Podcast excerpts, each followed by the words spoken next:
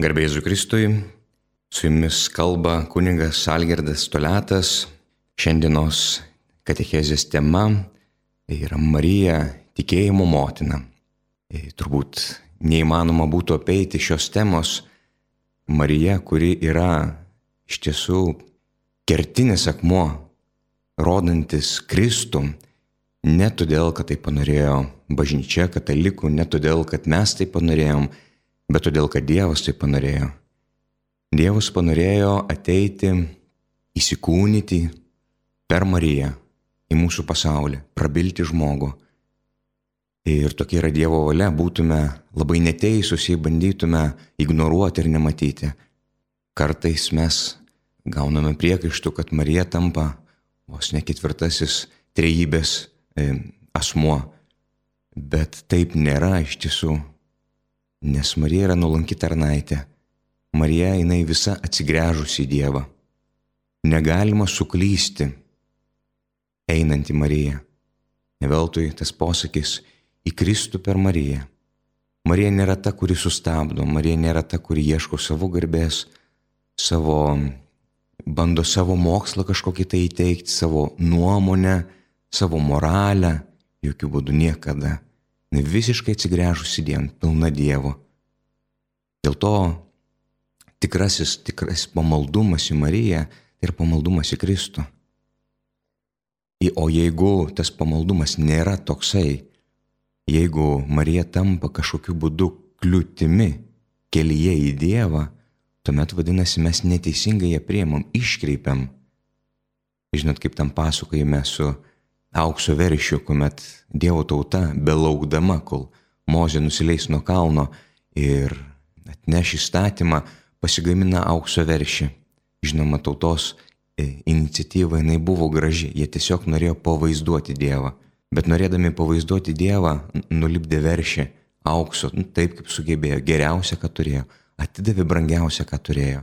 Tad ir mūsų kartais net ir geros iniciatyvos gali tapti aukso veršiu jeigu nebūsime pakankamai nuolankus, jeigu nesugebėsime klausytis ir girdėti.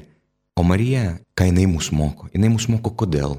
Todėl, kad pirmiausia pati buvo mokinė, tobula mokinė, geriausia iš visų, pirmoji iš mūsų visų. Bet ne tam, kad mes jie didžiuotumės ir sakytume, va, štai pasižiūrėkit, e, kaip jai gerai pavyko, kokia jinai šventa. Ne, Marija šventa yra todėl, kad mes esame pašaukti šventumą kad mes tokie taptume. Jis yra, na, vedlė, jinai mus motivuoja, jinai mumise žadina Kristų, nes mes esame sukurti bendrystėje su Dievu Kristuje. Čia mūsų pašaukimas, giliausias žmogaus. Jeigu žmogus kokius jis darbus benuveiktų ir padarytų, kaip Pauliaus gimnas sako, tu gali tikėjimu net kalnus kilnuot, viską žinot, gali net savo gyvybę atiduoti už vargšus net kūną sudegint, bet jeigu tu neturėsi meilės, tu nieko nelaimėsi. O kas yra meilė? Tai yra Kristus, tai yra Dievas, kuris taip pamilo pasaulį, kad atidavė vienatinį savo sūnų. Tas Dievas, kuris sukūrė žmogų, kurį pamilo, kurį išsvajojo. Štai kas yra ta tikroji meilė. Ir mes nesame tie, kurie, na patys jie sukuria meilę. Mes užsidegam nuo meilės. Čia kaip ugnis, kaip šventasis Jonas nuo kryžiaus pasakoja, kaip žmogus per savo gyvenimą, per savo gyvenimo kelionę turėtų tapti liepsnojantis medis. Vis labiau ir pasako duoda tą palyginimą. Medis iš pradžių, jisai yra šlapęs, jis yra neišdžiūvęs, jis labai sunkiai dega, sunkiai, sunkiai kabinasi ta ugnis. Po truputėlį medis išdžiūna, įsidega, kol galiausiai ateina tas laikas, kada medis tiek įkaista, kad jis tampa ugnimi. Štai kas yra Marija. Jis nieko nesako iš savęs. Jis sako visą tai, ką yra gavus iš Dievo, iš artumo ir iš to savo tobulos mokinystės. Jis tampa tikėjimo mokytoja mums. Kas yra Marijos mokinystė? Pažiūrėkit, ar jinai turėjo daugiau žinių negu tuo metiniai E, fariziejai, rašto žinovai, kunigai gyvenę tuo periodu kaip Marija? Žinoma, kad ne. Jis tikrai neturėjo visų tų žinių, daug mažiau turėjo. Ir vis dėlto žodis tapo kūnu būtent per ją. ir tapo kūnu prieš tapdamas kūnu jos iščiose, tapo kūnu jos širdyje, jos sutikime, jos įsiklausime. Sminkime, dikuma, žodis dikuma ir klausyti, hebrajų kalboje tai tas pats žodis. Marija, kuri praėjo per dykumą tam, kad išgirstų savo, savo tikėjimų, savo dvasinės kelionės. Nes e, krikščionybė iš tiesų tai nėra statiškas dalykas, ką mes gauname vieną kartą visiems laikams. Tai yra gyvenimo kelionė, tai yra piligrimystė, homo viatus, žmogus keliaujantis. Ir tas tai yra tarsi sakramentas. Kodėl? Todėl, kad kas yra sakramentas? Tai yra ženklas neregimosios tiesos, būtybės, esybės. O kas yra kelias? Tai yra Kristus. Kristus yra kelias. Ir mes būtent kelyje atrandame Kristų. Jeigu esame kaip Marija, girdintys, klausantis, atsiminkime pasakojime apie Mauso mokinius, kurių širdis po Kristaus nukryžiavimo buvo uždarytos, o mesgi tikėjomės, kad jis yra Mesijas jis išlaisvins Jeruzalę. Jie turėjo savų planų, savų įsivaizdavimų, kaip Dievas turėtų išvaduoti pasaulį, išlaisvinti Dievo tautą iš nuo persikėtojų. Galvoja, kad va, ateis galinga ranka, sunaikins romėnus. Ir mes dažnai taip įsivaizduojame išgelbėjimą. Va, štai ateis galingas ryteris ant balto žirgo ir išspręs visas ekonominės, politinės problemas. O čia atjoja ant avinėlio Kristus nusižeminęs, kuris nori išgelbėti žmogų jo paties rankomis, prabildamas jo širdį. Pagrindinis e, Dievo ginklas tai yra Dievas, kuris yra nusiginklavęs. Yra prancūziškas toks pasakymas, kuris galbūt netaip gražiai skamba lietuviškai. Ir sakoma, kad l'arme de Dieu, c'est Dieu des armées. Dievo ginklas tai nuginkluotas Dievas. Arba lygiai tas pats judizarmai, tai yra ir Dievas nusiginklavęs, ir kareivijų Dievas. Lygiai tas pats na, sakinys ta reiškia na, dvigubą reikšmę. Kareivijų Dievas, jo gale, jo potencija. Tai yra Dievas, kuris yra nusiginklavęs. Dievas, kuris yra ant kryžiaus. Ir čia yra viršūnė, per kurią žmogus gali būti na, prie kurio žmogus yra privedamas prie atsivertimo. Tikslas yra atsivertimas. Žmogus atsivertęs, jis atsigrėžia į Dievą. Atsigrėžia į tą, dėl kurio buvo sukurtas. Atsigrėžia į savo pašaukimą. Jis pradeda eiti teisingų kelių Kristuje. Dėl to tai yra ta pati viršūnė. Ir Marija, kuri atrodytų nuo pat pradžių ir per visą laiką sekė tik teisingai, bet net ir jinai buvo brandinama tikėjime. Jis žinojo ne viską. Neveltui pranašas Simeonas jie išpranašavo ir tavo pačio širdį perdurs kalavijas. Jis nesitikėjo tokios baigties, nežinojo, kaip viskas bus. Jis nesitikėjo kryžiaus, bet prie kryžiaus stabat mater. Motina, kuris stovi, tvirta. Ne dėl to, kad jinai neturėtų emocijų, ne dėl to, kad jo širdis nebūtų perplėšta į dvi dalis, o gal ir daugiau. Žinoma, kad jinai buvo visiškai pakirsta. Vis dėlto, net ir tą akimirką neprarado vilties. Dievui nėra neįmanomų dalykų. Viską atidavė į Dievo rankas. Pasitikėjo iki galo. Nesvarbu, kad pranašystės atrodytų neįvyko. Nes juk angelas jį pranašavo, kad tas, kurį tu pagimdysi, valdys tautas geležinė lasda. Tas mesijas. Štai dabar jis kaba ant kryžiaus, nužudytas tos paties tautos, dėl, dėl kurios atėjo. Tai yra didžiausias išbandymas, koks tai galėjo būti jos tikėjimui. Bet jin nesustojo. Jin, jin klausys ir toliau Dievo. Jin liko suklusus, jin liko savo dykumoje. Marija, kuri eina tikėjimo keliu. Ir dėl to jinai mums yra pavyzdys. Dėl to, kad ir mes turime savo gyvenime tos išbandymus, kurių nekenčiam. Žinoma, kaip norėtume, kad viskas būtų gerai. Kaip dažnai kiekvienas iš mūsų svajojam, vat, kai jau bus, vat, tas ir anas, va tada prasidės gyvenimas, va tada ateis šviesusis rytojus, kada gausiu tą darbą, galbūt, kai pastatysiu tą namą, galbūt, kai užauginsiu vaikus, galbūt, kai užlipsiu kažkokiais karjeros laiptais, na, kiekvienas skirtingai. Mes jau gyvenam savo ateitimi ir galvojam, va, va jeigu būtų, va tada būtų gyvenimas. O iš tiesų taip ir praleidžiam savo gyvenimą belaukdami tos akimirkos. Ir praleidžiam susitikimo su Kristumi, kuris yra čia ir dabar. Kaip Marija Magdalietė, kuri verkia prie kapo ir nesugeba atsigręžti ir pažiūrėti, kad Kristus yra iš nugaros. Prisikelusysis, įeiti į naują susitikimą su prisikėlusioju. Jis dar liko prie nukryžiuotojo. Ir taip pat dvasinė laikysena, prie tų senų vynmaišių, nesugebėdama atsigręžti naują vynmaišį, į naujo etapo pradžią. Bet vėliau, vėlgi, Marija Magdalietė, jinai atpažino Kristų, kuomet jis pasakė jos vardą. Jinai atpažino todėl, kad neklausėsi. Todėl, kad jis pasakė ypatingų būdų, nes Dievas ištarė mūsų vardą ypatingų būdų. Dievas ištarė mūsų vardą taip mylinčiai, kad mes negalime likti abejingais. Ir Marija išgirdusi Magdalietę, jos savo vardą, net pažino Kristų rabūnį. Ir prasidėjo naujas jos gyvenimo ir misijos etapas. Jis tapo apaštalų apaštalė. Tai yra Marijos Magdalėtės vienas iš titulų.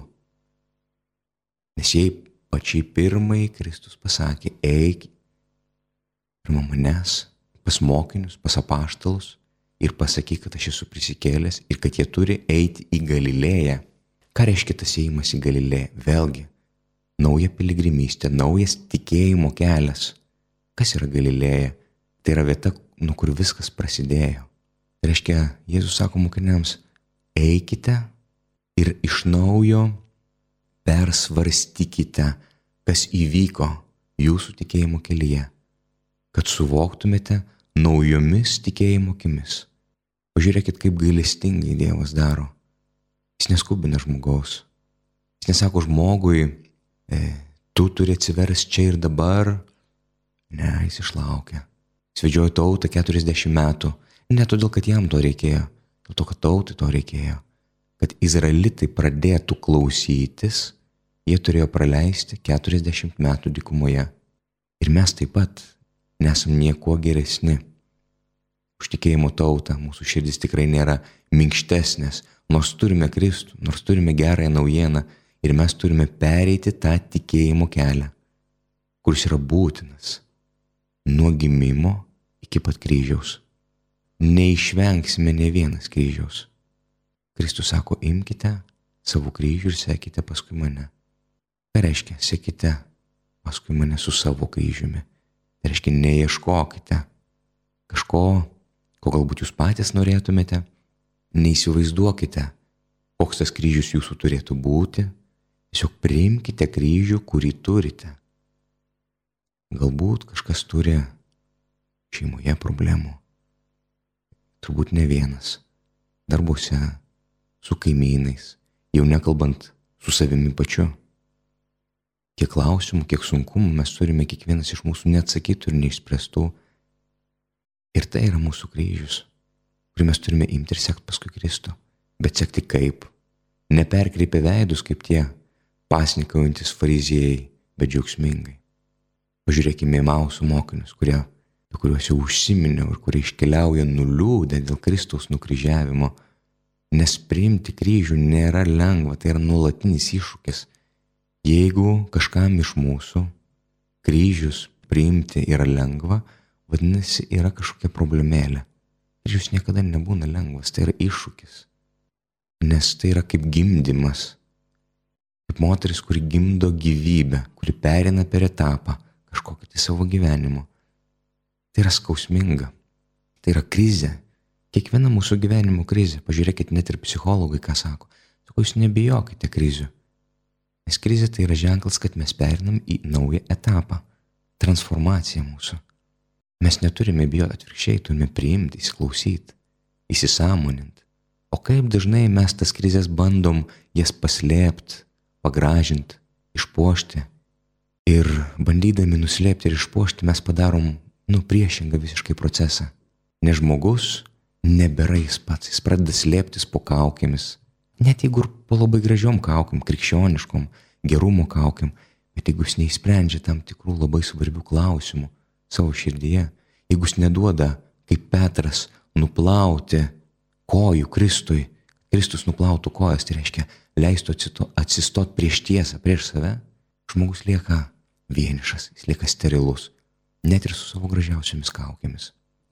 Kaip minėjau, Emausų mokinius, tą piligrimystę, atsivertimo vietą, norėčiau sugrįžti prie tų mokinių, kurie liūdni žingsniavo nuo Jeruzalės į Emausą ir Kristus priejo nepastebimai. Jie net pažino Kristaus. Nors kaip ilgai atrodytų jį žinojo, vis dėlto jo net pažino. Ir mums taip yra, man atrodo, dažnai mums atrodo, kad mes labai gerai pažįstame Kristų, o iš tiesų taip menkai jį pažįstame. Mausų mokiniai iš liūdėsio perėjo po truputėlį į klausimąsi, bediskutuodami. Iš pradžių kalbėjo jie, bet vėliau, kada Kristus pradėjo kalbėti, jie nutilo, kaip ir maldoja, taip dažnai žmogus iš pradžių kalba jisai, bet tikroji malda prasideda, kada žmogus nutyla ir pradeda kalbėti Dievas. Ir jie išklausė visą tai, kas turėjo nutikti Mesijui. Ir jų širdis užsidegė.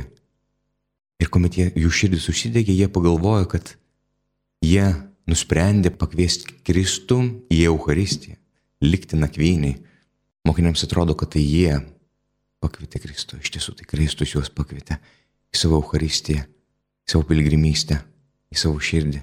Ir kuomet jau galutinai jų širdis atsiverė, įvyko atsivertimas ir suvokimas. Pažiūrėkit, kokia, jinai, kokia laikysena mokinių. Jie džiaugsmingi grįžta į Jeruzalę. Neužmirškime, kad grįžti naktį akmenuotų kelių, nepatogių kelių, pavojingų kelių, tai nėra lengva, bet juose buvo toks entuzijazmas, toks džiaugsmas, kad apie tokį kryžiaus nešimą ir mes turėtume kalbėti. Neperkreiptais veidais, su nepasitenkinimu, su priekaištais, savo pačiam ir kitiems, džiaugsmingai nešti kryžių, kaip tam mokinių grįžimas akmenuotų kelių, nepatogių kelių, tamsių kelių, pavojingų kelių pilnas džiaugsmo ir pasitikėjimo. Tuomet jie tapo pilnai mokiniai. Va čia štai yra mokinystė. Bet tris metus sėkiau iš paskos. Jau galvoju, kad jie yra mokiniai. Bet čia tą akimirką jie tikrai aktualizavosi, tapo pilnai mokiniais. Kaip ir Marija prie kryžiaus. Tapo pilnai tikėjimo motina. Ir mokytoja. Dėl to, kad tapo mokinė. Šitie dalykai yra neatskiriami. Mokinystė ir mokytojiškumas. Ir mumise nieko met neturėtų. Jeigu mes tik tai tapsime mokytojais ir užmiršime, kad pirmų pirmiausia esame mokiniais, nueisime šunkeliais, nueisime klystkeliais, nutolsim nuo Dievo ir kitus nutolinsime. Nesvarbu, kaip gražiai mes bekalbėtume, kokius teisingus dalykus bešnekėtume. Nes pirmiausia, kas veikia žmogaus širdyje, tai yra Dievas. Ne mes, ne žmogus, ne mūsų žinojimas bet Dievo malonė. Kaip yra žmogui svarbu piligrimystė. Išlaikyti tą piligrimystės aspektą, dinamiškumo aspektą, atsivertimo aspektą. Nes kas yra, į ką veda piligrimystė? Į atsivertimą. Keliaujant į šventovę yra trys etapai tame kelyje. Pirmas etapas yra kelias į šventovę. Yra visas pasiruošimas. Tam, kad mes net važiuotume kaip turistai. Gesmių gesmė kalba apie uždarą sodą. Neveltui mūsų broliai Lenkai taip proteguoja, skatina piligrimystės iš Čenstohovą, dėl to, kad kelyje žmogus yra valomas. Jis nutolsta nuo savo kasdienybės, nuo savo rutinos, jis pažiūri į gyvenimą Dievo akimis. Į savo gyvenimą Dievo akimis. Tai yra paimti savo kryžių ir sekti paskui Kristų. Tai yra labai svarbus žingsnis tam, kad mūsų piligrimystė taptų vaisinga. Antras žingsnis tai yra jau atėjus į šventovę.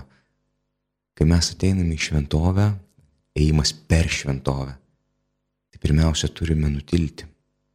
Pirmas žingsnis - tyla.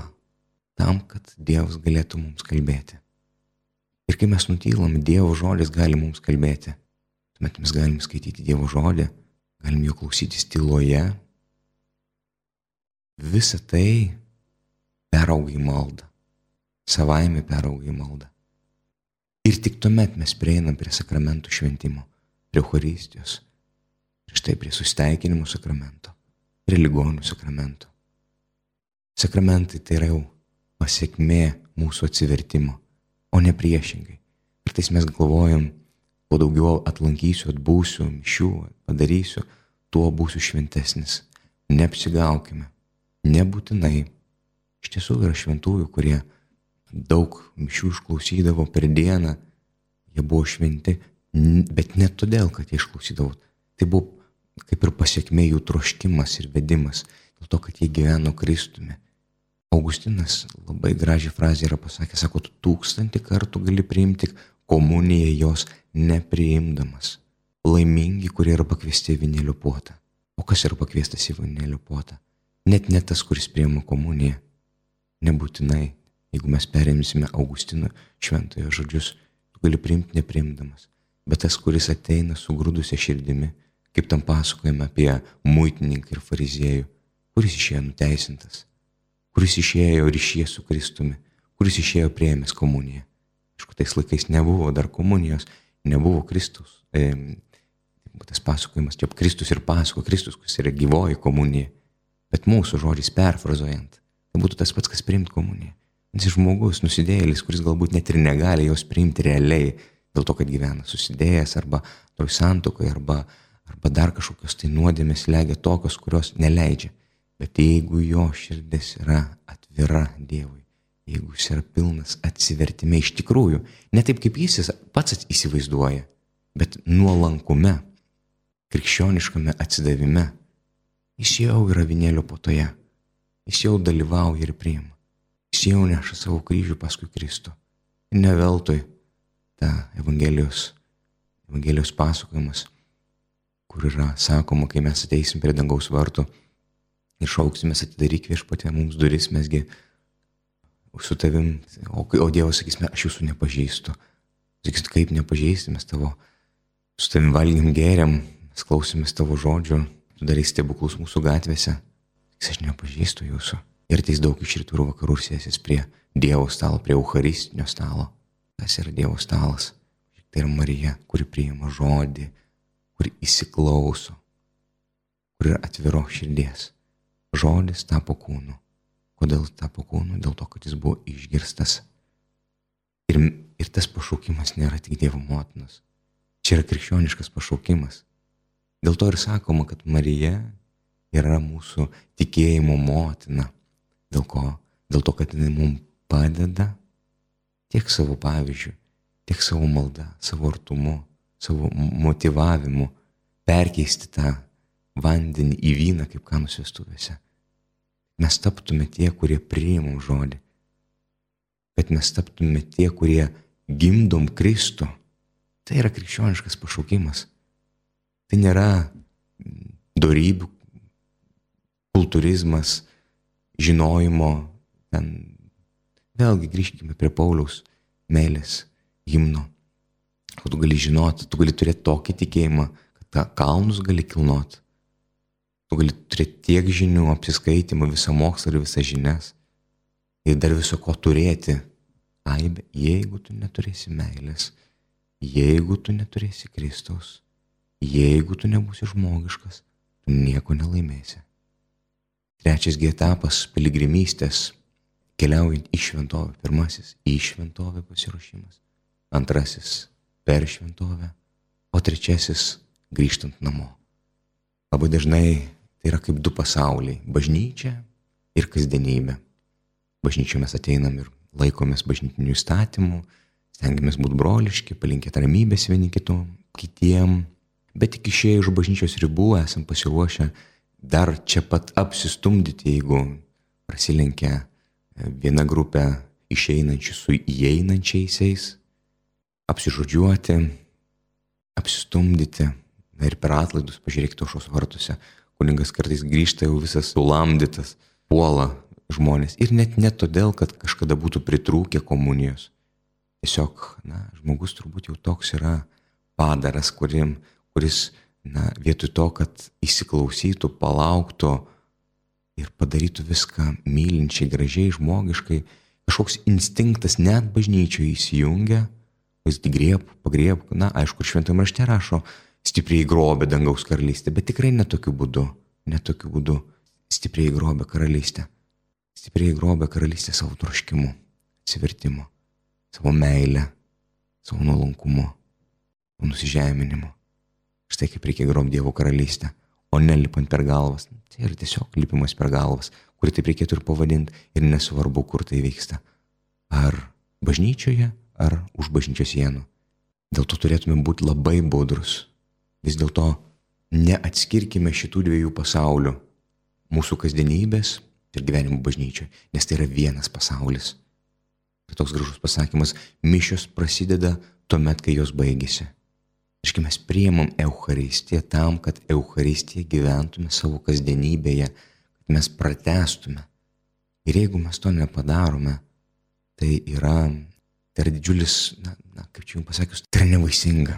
Čia kaip augustino žodžiais, kas iš to, kad tu gali tūkstantį kartų priimti komuniją jos neprimdamas. Jeigu Kristus netampa veiksmingas tavyje kaip Emausų mokiniuose, kurie grįžta džiaugsmingi dėl to, kad patyrė susitikimą su Kristumi, dėl to, kad atsivertė, jūs nieko nelaimėsit. Veda niekur toksai. Bet Dievas žinoma, kad jisai kas neįmanoma žmogui, Dievui viskas įmanoma.